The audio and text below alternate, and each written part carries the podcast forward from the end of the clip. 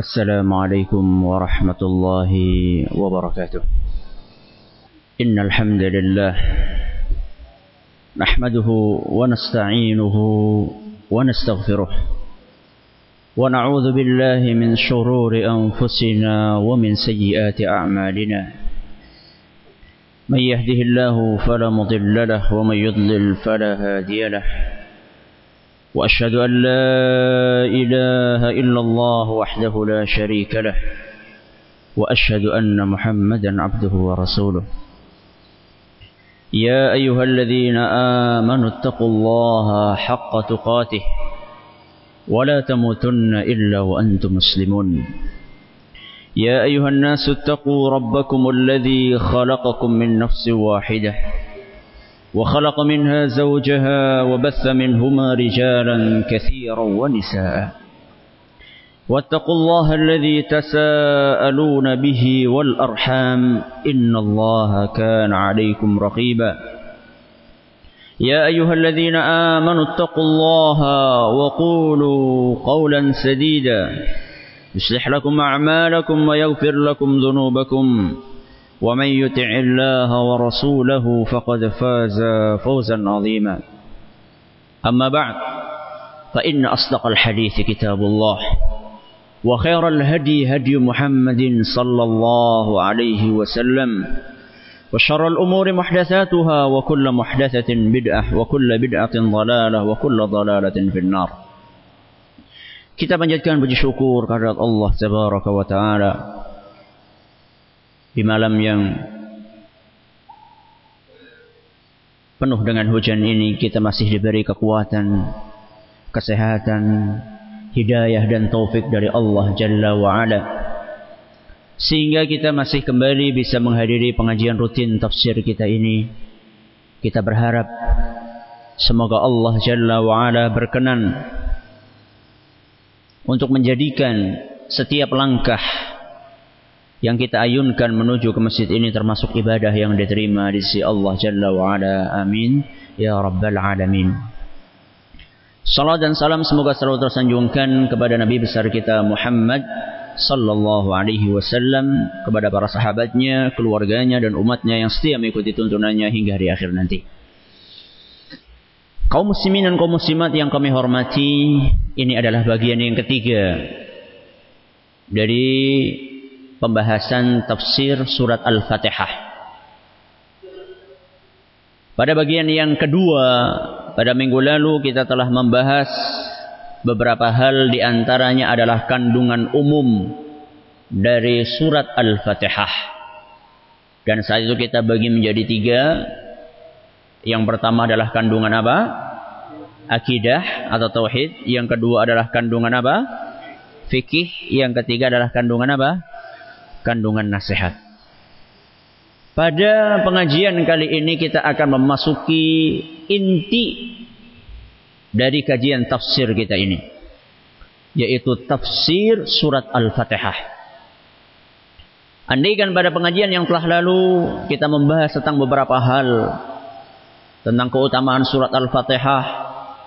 Kemudian juga tentang nama-nama surat Al-Fatihah surat Al-Fatihah Madaniyah atau Makkiyah berapa ayatnya maka pada malam hari ini dan seterusnya kita akan memasuki pembahasan inti yaitu tafsir dari surat Al-Fatihah kita akan bahas ayat per ayat kita mulai dari ayat yang pertama yaitu ayat yang berbunyi apa? Hah? Atau Alhamdulillah Rabbil Alamin? Bismillahirrahmanirrahim. Ayat yang pertama. Dan ini sudah kita bahas. Sudah kita bahas ketika kita membahas tentang basmalah. Jadi nggak perlu kita ulangi lagi. Nggak perlu kita ulangi lagi dan yang mungkin pada pengajian yang dulu nggak masuk, silahkan makalahnya ada. Makalahnya bisa diambil atau difotokopi di wartel Masjid Agung. Jadi nggak akan kita ulang lagi. Berarti kita langsung masuk ke ayat yang keberapa? Yang kedua. Yaitu ayat yang berbunyi Alhamdulillahi Rabbil Alamin. Apa terjemahannya Alhamdulillahi Rabbil Alamin?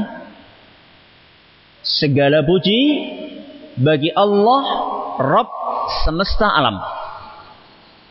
Ini terjemahan letter lucknya. Segala puji bagi Allah Rabb semesta alam. Dan insya Allah pembahasan tentang ayat yang kedua ini akan kita bagi menjadi dua. Yang pertama kita pertama akan membahas tentang kalimat Alhamdulillah. Kemudian yang kedua kelanjutannya yaitu apa? Rabbil Alamin. Malam hari ini kita akan kupas tentang makna dari Alhamdulillah. Tadi kita katakan Alhamdulillah artinya adalah segala puji bagi Allah. Siapa yang mengucapkan kalimat ini? Siapa? Hah? Siapa yang mengucapkan kalimat Alhamdulillah? Siapa? Allah subhanahu wa ta'ala. Karena ini adalah ayat Al-Quran dan ayat Al-Quran adalah merupakan kalam kalamullah. Berarti yang mengucapkan Alhamdulillah siapa? Allah subhanahu wa ta'ala. Allah berkata segala puji bagi Allah. Berarti di sini Allah memuji dirinya sendiri. Iya enggak? Iya. Allah memuji dirinya sendiri.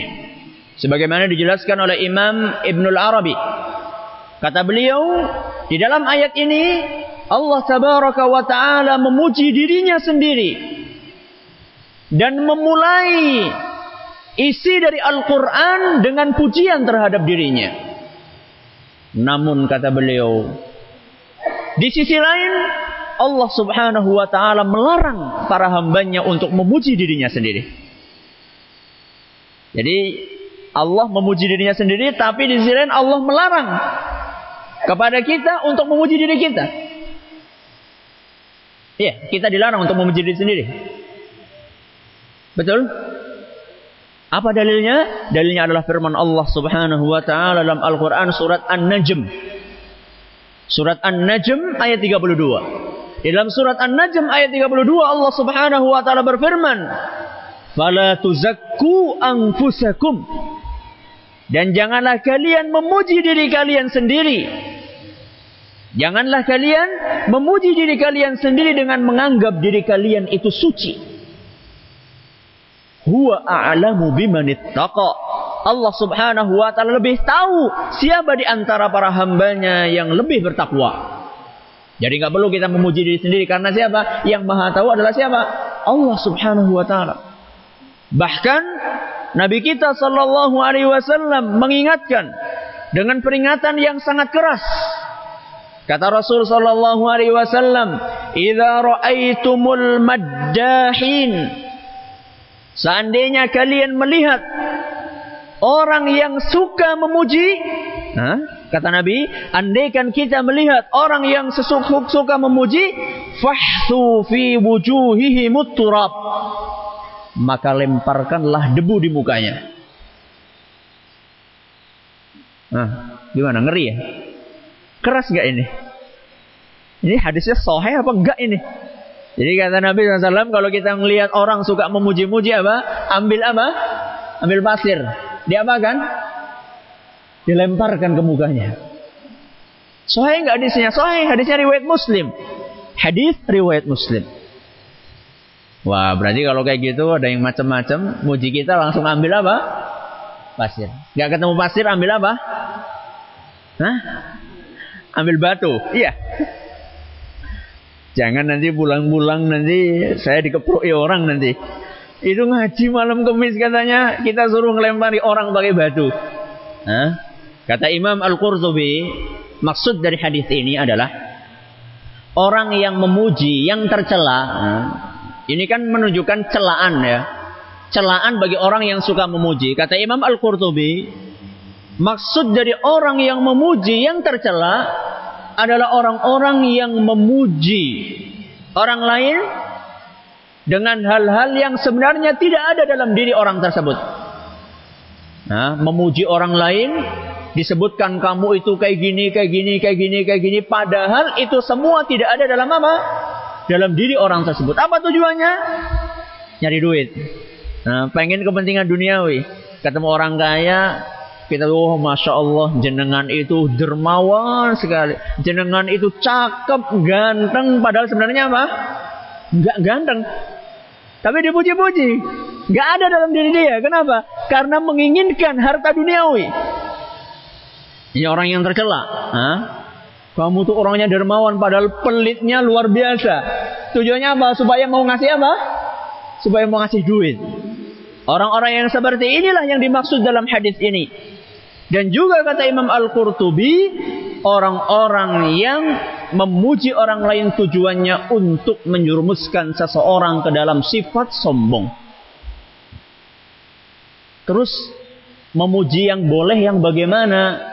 Kata beliau, memuji yang boleh adalah ketika kita memuji seseorang karena orang tersebut memiliki sifat-sifat yang terpuji. Nah, orangnya memang sabar, tekun beribadah, suka berbuat baik kepada orang lain. Kita puji orang tersebut dan kita usahakan bukan di depan dia. Tujuannya, maksud kita memuji dia adalah untuk memotivasi dia supaya meneruskan sifat-sifat mulia tersebut. Dan juga memberikan semangat kepada orang lain agar mengikuti jejak orang tersebut. Kalau seperti ini, kata Imam Al-Qurtubi boleh. Contohnya mudah sekali seperti kita punya anak. Punya anak, kita kan sering memuji anak kita. Apa tujuannya? Apa tujuan kita memuji anak kita? Misalnya dia itu baru selesai menghafalkan ayat kursi. Kemudian kita puji anak kita. Masya Allah, pintar banget Jan, putrane sinten. Hah? Apa tujuan kita memuji? Apa tujuan kita? Kita pengen supaya anak kita sombong? Enggak. Tapi kita ingin memotivasi anak kita supaya apa? Supaya lebih semangat lagi. Ini kata Imam Al-Qurtubi enggak masalah. Enggak apa-apa pujian yang seperti itu. Jadi nanti pulang-pulang ya, jangan asal ngambil apa?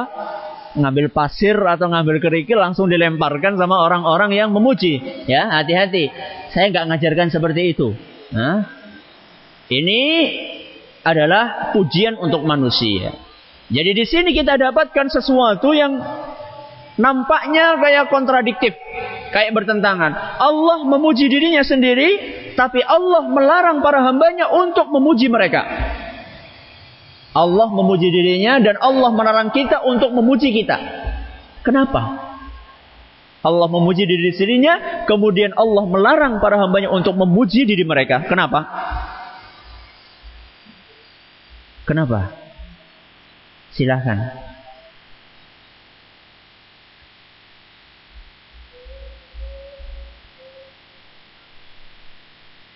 Kenapa? Apa? Manusia nggak pantas sombong. Bagus, jawaban pertama. Jawaban kedua. Apa? Manusia makhluk yang lemah masuk ke dalam sini sehingga tidak pantas untuk sombong. Masuk dalam jawaban yang pertama. Jawaban kedua.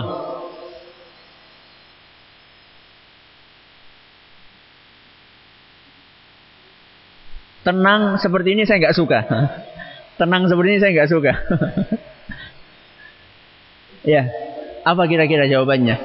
Nggak masalah. Jawab saja kalau salah dibenarkan. Kalau benar dibenarkan Apa? Karena segala puji bagi Allah. Iya, kenapa Allah memuji dirinya sendiri? Ada tiga jawaban. Ada tiga jawaban yang disebutkan oleh ulama. Sudah dijawab satu. Masih ada dua jawaban lagi. Kita butuh ulama-ulama di Masjid Agung ini. Dua lagi. Menyerah. Yang pertama. Jawaban yang pertama adalah Allah sedang mengajari kita bagaimana cara kita memujinya.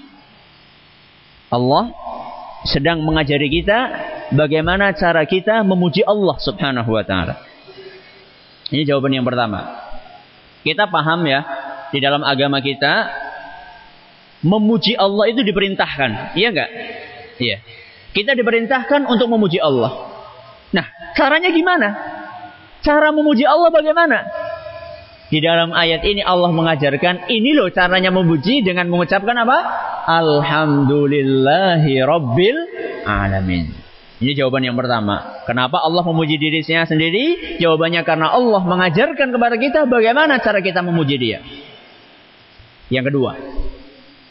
Jawaban yang kedua. Kata para ulama.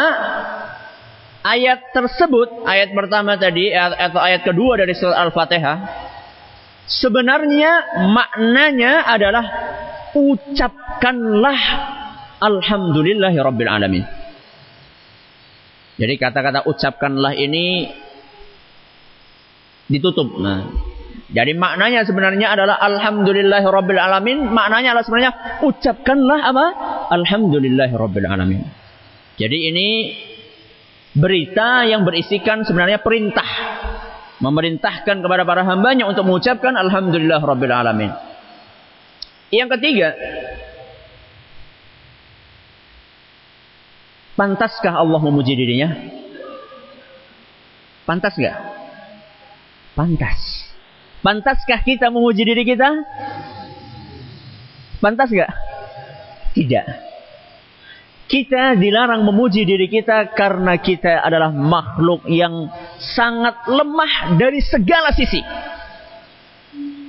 Kita dilarang untuk memuji diri kita sendiri karena kita adalah makhluk yang sangat lemah dari segala sisinya.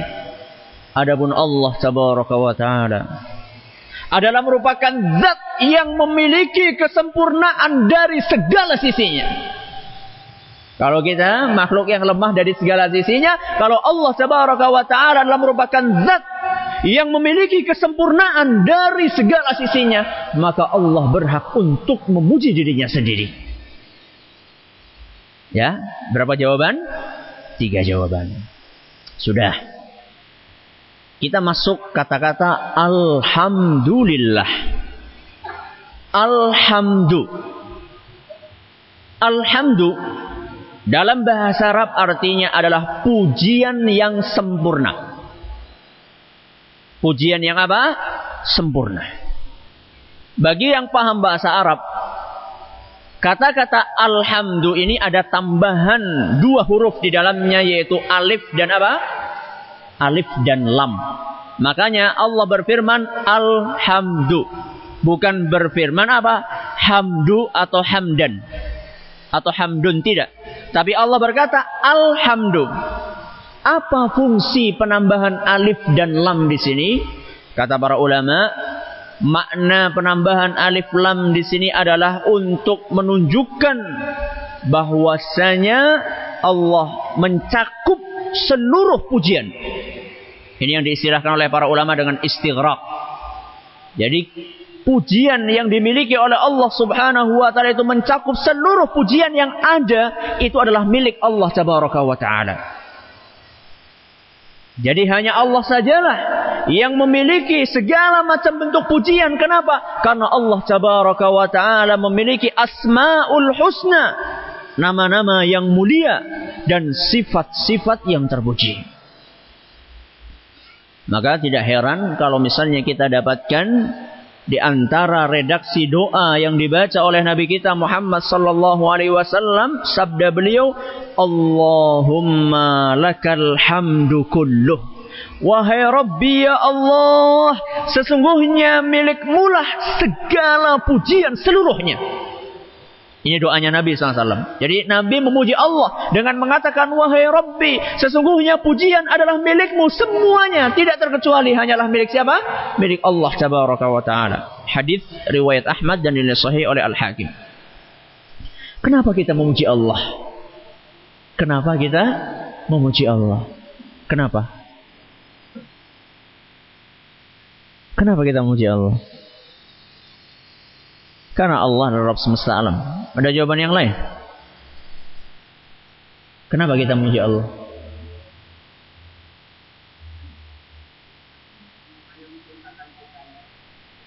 Hanya menciptakan kita? Karena Allah tabaraka wa ta'ala telah melimpahkan kenikmatan kepada kita yang tidak terhitung jumlahnya. Ini kata Imam At-Tabari.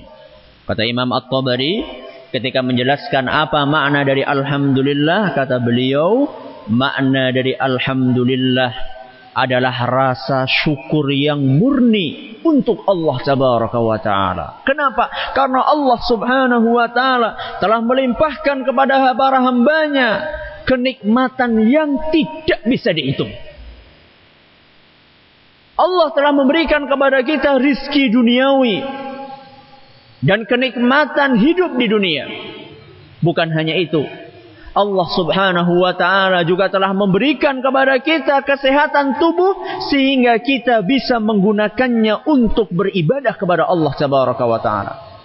Tidak cukup Allah subhanahu wa ta'ala hanya menghidupkan kita.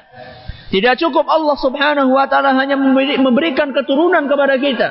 Tidak cukup Allah subhanahu wa ta'ala hanya memberikan kekayaan kepada kita.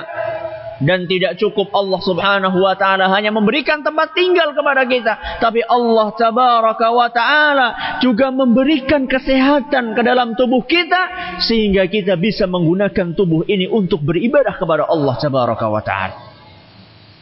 Bukan hanya itu wahai kaum muslimin dan kaum muslimat.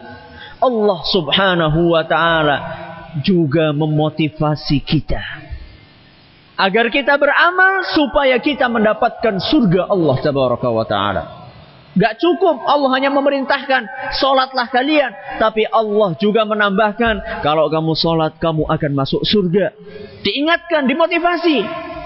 Kalau kamu gak solat kamu akan masuk mana? Akan masuk neraka. Jadi Allah subhanahu wa ta'ala kenikmatan yang Allah limpahkan kepada kita sangat banyak. Bukan hanya kenikmatan duniawi, tapi juga kenikmatan ukhrawi. Kita diingatkan oleh Allah Tabaraka wa taala. Jadi kalau misalnya di sekolahan ada guru mengingatkan kepada muridnya masuk kelas. Nah, Gak cukup hanya seperti itu. Masuk kelas, kalau masuk kelas akan mendapatkan keistimewaan ini, ini, ini, ini, ini. Kalau nggak masuk dengan tepat waktu maka akan dihukum seperti ini, seperti ini. Allah tabaraka wa taala enggak cukup hanya memerintahkan kepada kita untuk beribadah, tapi Allah juga mengiming-imingi kita. Allah juga memotivasi kita kalau kalian mau beribadah dengan baik akan dijanjikan surga yang luasnya seluas langit dan bumi bahkan lebih luas. Dan aku akan sediakan di dalamnya mala ainun ra'at yang tidak pernah terlihat oleh mata wala udhunun sami'at. Dan tidak pernah terdengar oleh telinga kita. Wala khatara ala qalbi bashar.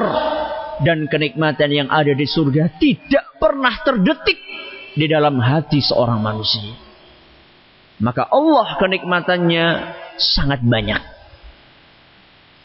Dan kata-kata alhamdulillah itu bukan sembarang pujian Kata alhamdu adalah merupakan pujian yang diiringi dengan pengagungan dan rasa cinta.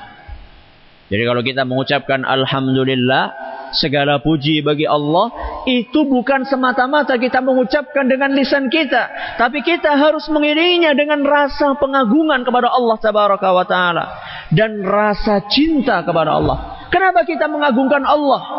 Karena Allah subhanahu wa ta'ala adalah merupakan zat yang memiliki kesempurnaan sifat. Memiliki kesempurnaan zat dan juga memiliki kesempurnaan perbuatan. Maka kita mengagungkan Allah. Kenapa kita mencintai Allah? Karena Allah subhanahu wa ta'ala begitu banyak memberikan kenikmatan kepada kita. Di saat kita berbuat maksiat kepada Allah, nikmat dari Allah tetap dilimpahkan kepada kita. Mampukah Allah untuk mencabut izin melihat ketika kita melakukan perbuatan maksiat dengan mata? Mampu nggak?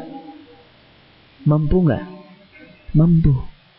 Mampukah Allah Subhanahu wa taala mencabut izin berjalan ketika kita gunakan kaki kita ini untuk mendatangi tempat-tempat yang dimurkai oleh Allah Tabaraka wa taala? Mampu?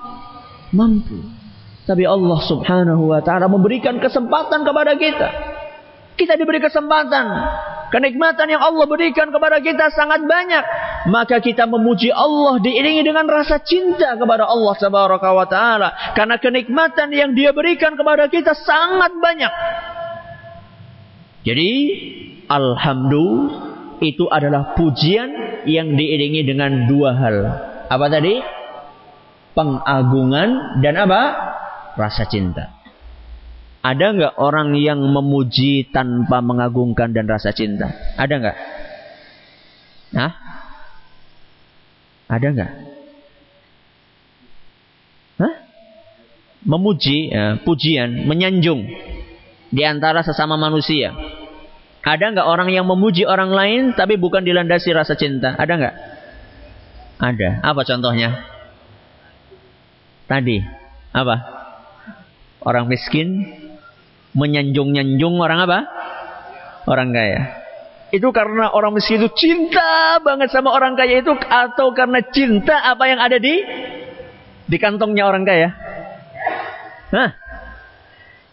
Berarti itu bukan dianggap alhamdulillah. Nah, pujian yang kosong dari rasa cinta dan pengagungan itu namanya bukan alhamdu tapi dalam bahasa Arab namanya al-madhu apa? Al-madhu. Tapi kalau pujian kata alhamdu itu adalah merupakan pujian yang diiringi dengan pengagungan dan rasa cinta. Tapi kalau misalnya orang memuji orang lain bukan karena rasa cinta atau bukan karena pengagungan tapi karena mengharapkan sesuatu duniawi dalam diri dia maka itu bukan termasuk alhamdu tapi itu hanyalah al-madhu. Contoh yang lain seperti seorang bawahan yang karakternya itu ABS apa ABS asal babe senang huh? orang ini rajin sekali menyanjung-nyanjung atasannya. Apakah karena dia itu cinta banget sama atasannya? Iya. Iya. Enggak. Karena ada ada udang di balik apa? Ada udang di balik batu. Dia menyanjung-nyanjung atasannya karena apa? Karena dia mengharapkan supaya pangkatnya segera apa? Segera dinaikkan atau gajinya supaya segera dia apa? Segera ditambah. Orang yang seperti ini bukan dianggap al-mad, bukan dianggap alhamdu, tapi dianggap apa? Al-madhu. Dan ada juga orang yang memuji orang lain bukan karena mengharapkan keindahan duniawi, tapi karena takut sama orang tersebut. Ada? Ada nggak? Ada. Nah, mungkin karena murid ya takut sama gurunya, mbok dijewer akhirnya Masya Allah Pak Guru, jenengan itulah guru yang paling teladan di sekolah ini. Iya. Karena sayangnya murid itu sama gurunya. Iya. Enggak, karena muridnya takut sama apa? Sama gurunya. Kalau enggak ngomong kayak gitu bisa di apa? Bisa dijewer. Atau kalau misalnya orang-orang zaman dahulu itu adalah penyair. Nah, para penyair pada zaman dahulu kala mereka itu terkadang menyampaikan syair-syair di hadapan penguasa karena apa? Karena takut penguasanya itu sangat apa? Sangat lalim, sangat kejam. Kalau nggak mengucapkan pujian, dia bisa di apa? Bisa dipenggal lehernya. Pujian yang seperti ini bukan termasuk alhamdulillah. Adapun orang yang beriman kepada Allah Tabaraka wa taala, ketika dia memuji Allah Jalla wa ala, maka dia memuji Allah karena adanya dorongan rasa pengagungan dan karena dorongan rasa cinta kepada siapa? Kepada Allah Tabaraka wa taala. Ketika kita mengucapkan alhamdulillah, segala puji bagi Allah. Ketika kalimat itu terlepas dari lisan kita, Apakah ini dianggap suatu nikmat dari Allah? Ya. Dianggap bukan? Hah? Ketika kita mengucapkan, ketika kita bisa mengucapkan dengan lisan kita, Alhamdulillah. Itu nikmat atau bukan? Nikmat. Bahkan itu adalah nikmat yang paling besar. Ketika kita bisa mengucapkan dari lisan kita kalimat Alhamdulillah itu adalah nikmat yang sangat besar. Bahkan lebih besar daripada nikmat kesehatan, nikmat harta, nikmat rumah, nikmat istri, nikmat keturunan. Dan segala macam bentuk kenikmatan dunia lainnya. Hal itu diisyaratkan oleh Nabi kita Muhammad sallallahu alaihi wasallam dalam sabdanya. ما أنعم الله على عبد نعمة فقال الحمد لله Kata Nabi Shallallahu Alaihi Wasallam, andaikan setiap hamba mendapatkan kenikmatan dari Allah, dia mengucapkan Alhamdulillah. Ya, setiap kita dapat nikmat kita ucapkan apa? Alhamdulillah illa kana alladhi a'tahu afdala mimma akhad. Ucapan dia Alhamdulillah itu lebih utama daripada nikmat yang Allah berikan kepada kita. Jadi kata-kata kita Alhamdulillah itu lebih utama, lebih afdol daripada harta yang kita pegang. Lebih afdol daripada keturunan yang kita miliki. Lebih besar, lebih utama daripada apa rumah yang kita tinggali. Loh, Ustaz seandainya kata-kata Alhamdulillah itu adalah nikmat dari Allah. Berarti nikmat kan harus dibalas. Ya enggak? Bagaimana kita membalas nikmat tersebut? Paham nggak pertanyaannya? Alhamdulillah, kita bisa mengucapkan Alhamdulillah. Itu nikmat bukan? Nikmat. Setiap nikmat itu menuntut dari kita untuk membalas nikmat tersebut. Iya nggak? Bagaimana kita membalasnya? Hah? Bagaimana kita membalas kenikmatan Allah berupa rizki? Bagaimana kita membalasnya? Dengan mengucapkan apa? Alhamdulillah, iya enggak? Kita membalas kenikmatan Allah berupa gaji dengan mengucapkan Alhamdulillah. Kita membalas kenikmatan dari Allah berupa anak dengan mengucapkan Alhamdulillah. Dan Alhamdulillah itu sendiri juga nikmat. Bagaimana kita membalas nikmat tersebut? Hah? Gimana membalasnya? dengan mengucapkan alhamdulillah lagi. Dengan mengucapkan apa? Alhamdulillah. Dan itu nikmat lagi. Berarti harus dibalas lagi dengan mengucapkan apa? Alhamdulillah. Dan nikmat Allah tidak ada hentinya. Makanya kita sering atau diperintahkan untuk sering-sering mengucapkan apa? Alhamdulillah. Karena nikmat Allah tidak akan pernah putus. Dan itu disebutkan oleh Bakar bin Abdullah Al-Muzani. Kata beliau, "Ma qala 'abdun qat alhamdulillah illa wajabat alaihi ni'matun biqaulihi alhamdulillah." Kata beliau, tidaklah seorang hamba mengucapkan alhamdulillah ketika mendapatkan kenikmatan, melainkan ucapan alhamdulillah itu juga nikmat dari Allah tabaraka wa taala. Fama jazaa'u tilka ni'mah? Kata Bakar, Bagaimana kita mensyukuri nikmat tersebut? Jawabannya jazauha an yaqula alhamdulillah fahaza ukhra. Jawabannya kita mensyukuri nikmat tersebut dengan kembali mengucapkan apa? Alhamdulillah dan itu juga nikmat dari Allah tabaraka wa taala wala tanfadu ni'amullahi azza wa jal dan nikmat Allah tidak ada habisnya. Semoga Allah berkenan untuk melimpahkan kepada kita kemampuan untuk memperbanyak mengucapkan Alhamdulillah. Alhamdulillah ini ayat yang keberapa? Yang kedua. Isinya pujian kepada Allah. Ayat yang terakhir dari surat Al-Fatihah isinya apa? Bunyinya apa? Ihdinas siratal mustaqim. Apa artinya ihdinas siratal mustaqim? Tunjukkanlah kepada kami jalan yang lurus. Ini doa bukan? Doa. Di akhir ayat doa. Di awal di akhir surat doa. Di awal surat pujian. Di dalam surat ini Allah mengajarkan kepada kita etika untuk berdoa. Apa etika tersebut? Mendahului doa dengan apa? Dengan pujian kepada Allah Tabaraka wa taala. Ini etika berdoa. Nah, etika berdoa. Dan ini kata Imam An-Nawawi ijma' para ulama. Para ulama kata beliau telah berijma' disunnahkannya memulai doa dengan apa? Dengan pujian kepada Allah Tabaraka wa taala dan dan apa satu lagi? membaca solawat kepada Rasulullah Sallallahu Alaihi Wasallam. Ini sudah ijma di antara para ulama. Jadi kalau misalnya kita mencermati, kita mencenungkan isi dari surat Al-Fatihah itu luar biasa. Ya. Banyak pelajaran yang yang berharga yang dapat kita petik. Dari sini saya kita sudah tahu diajarkan sama Allah Taala bagaimana etika kita berdoa.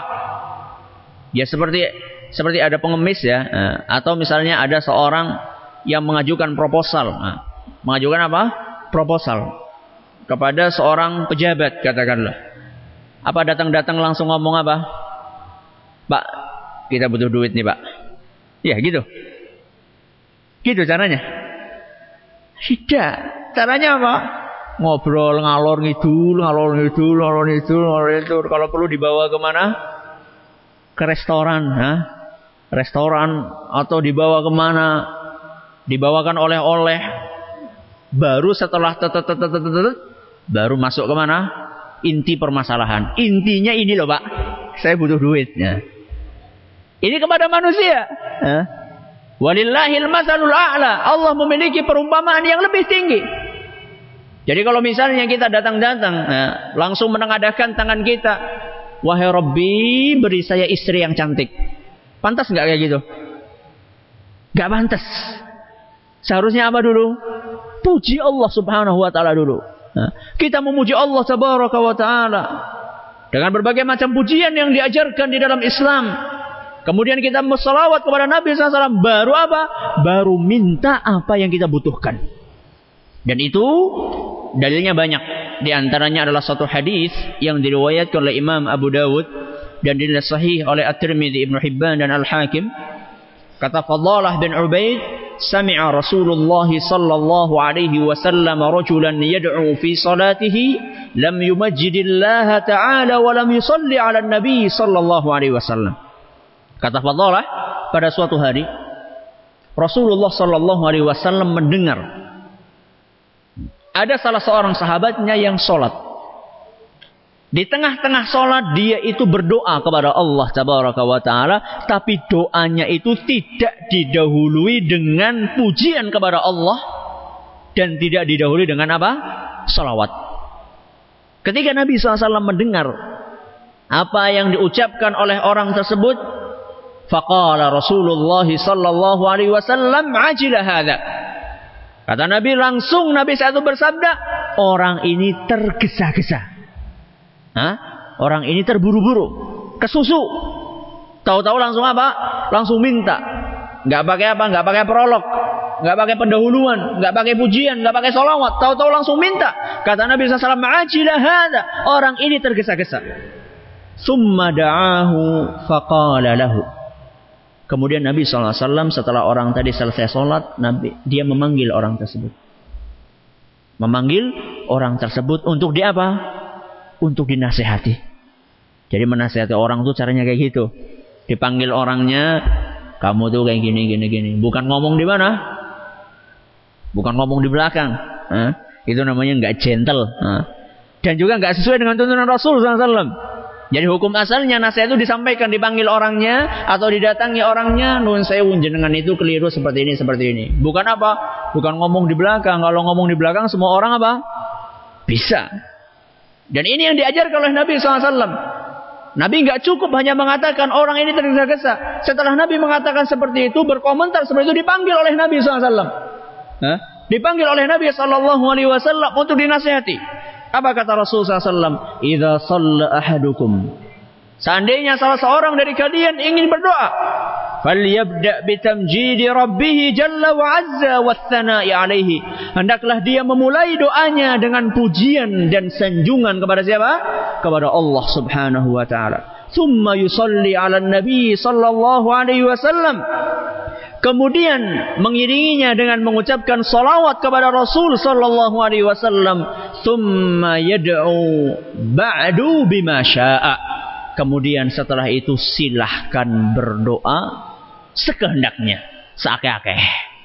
Ya, ini adalah pelajaran yang bisa kita ambil dari surat atau pendahuluan atau mendahului surat Al-Fatihah dengan pujian kepada Allah dan mengakhirinya dengan doa kepada Allah tabaraka wa taala. Insyaallah pada pengajian yang akan datang kita akan membahas potongan yang kedua yaitu kata-kata Rabbil alamin. Ada pertanyaan? Ya.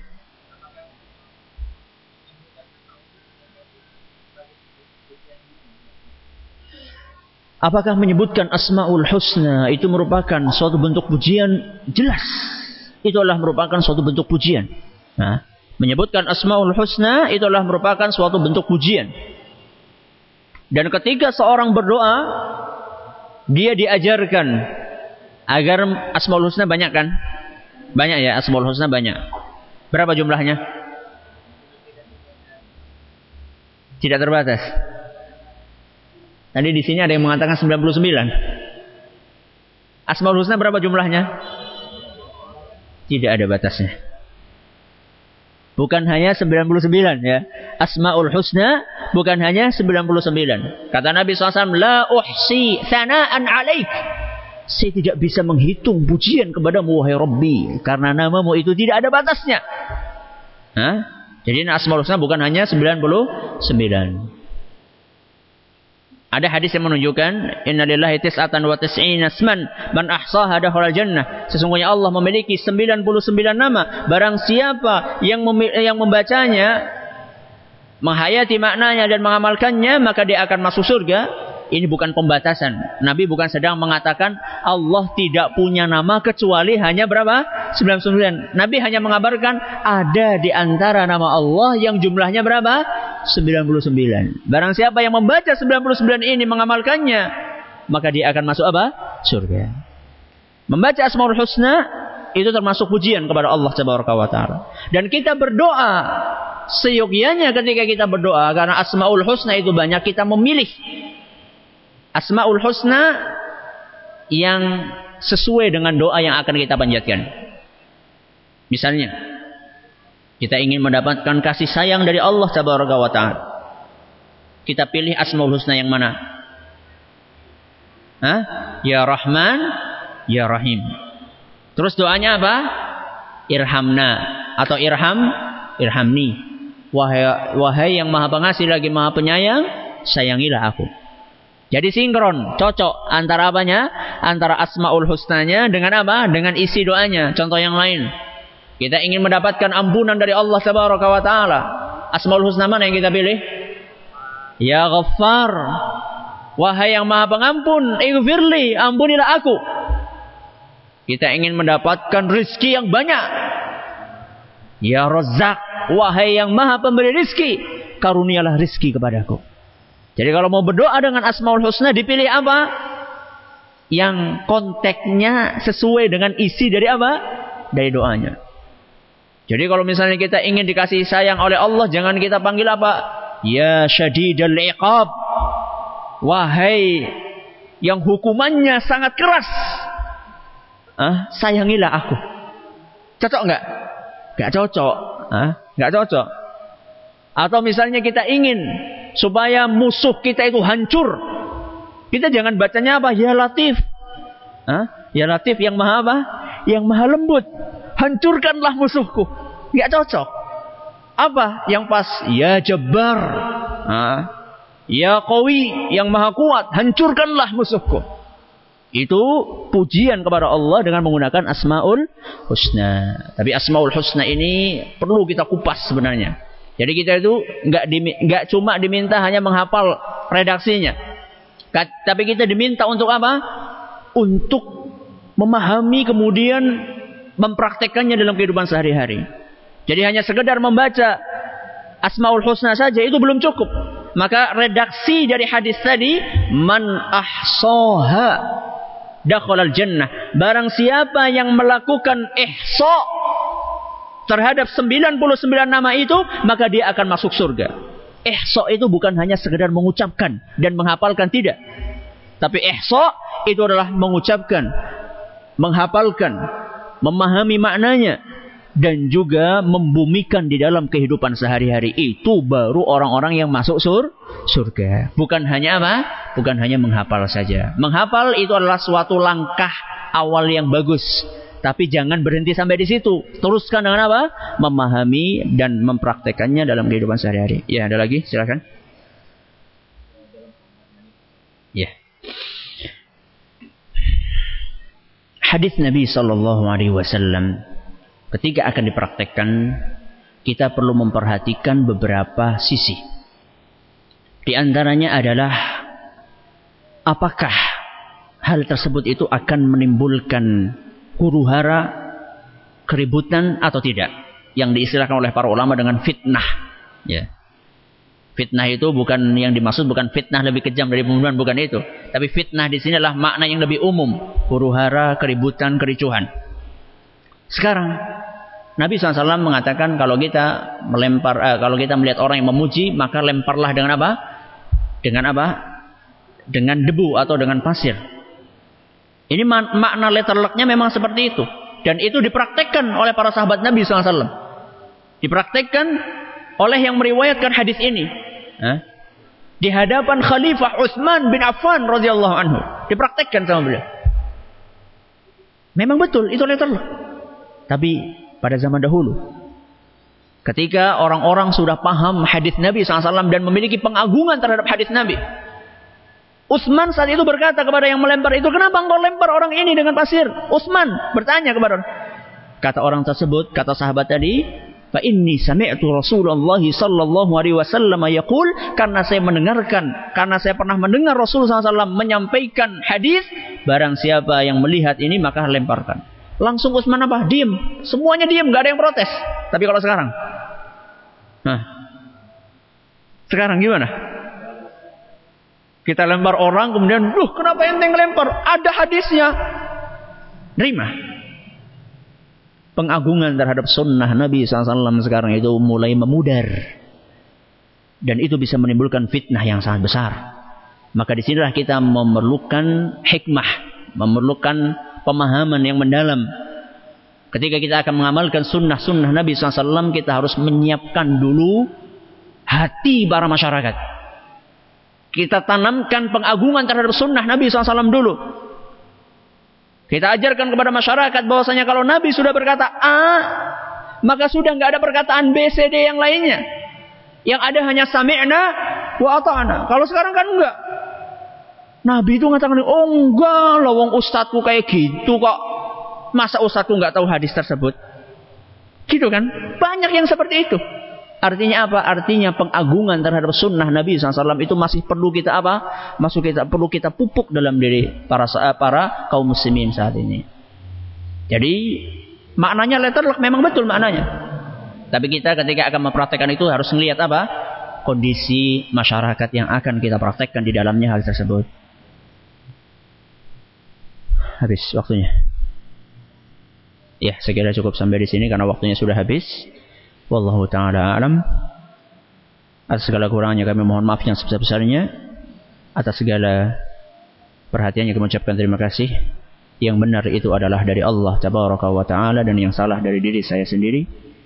Subhanakallahumma bihamdika asyhadu an la ilaha illa anta astaghfiruka wa atubu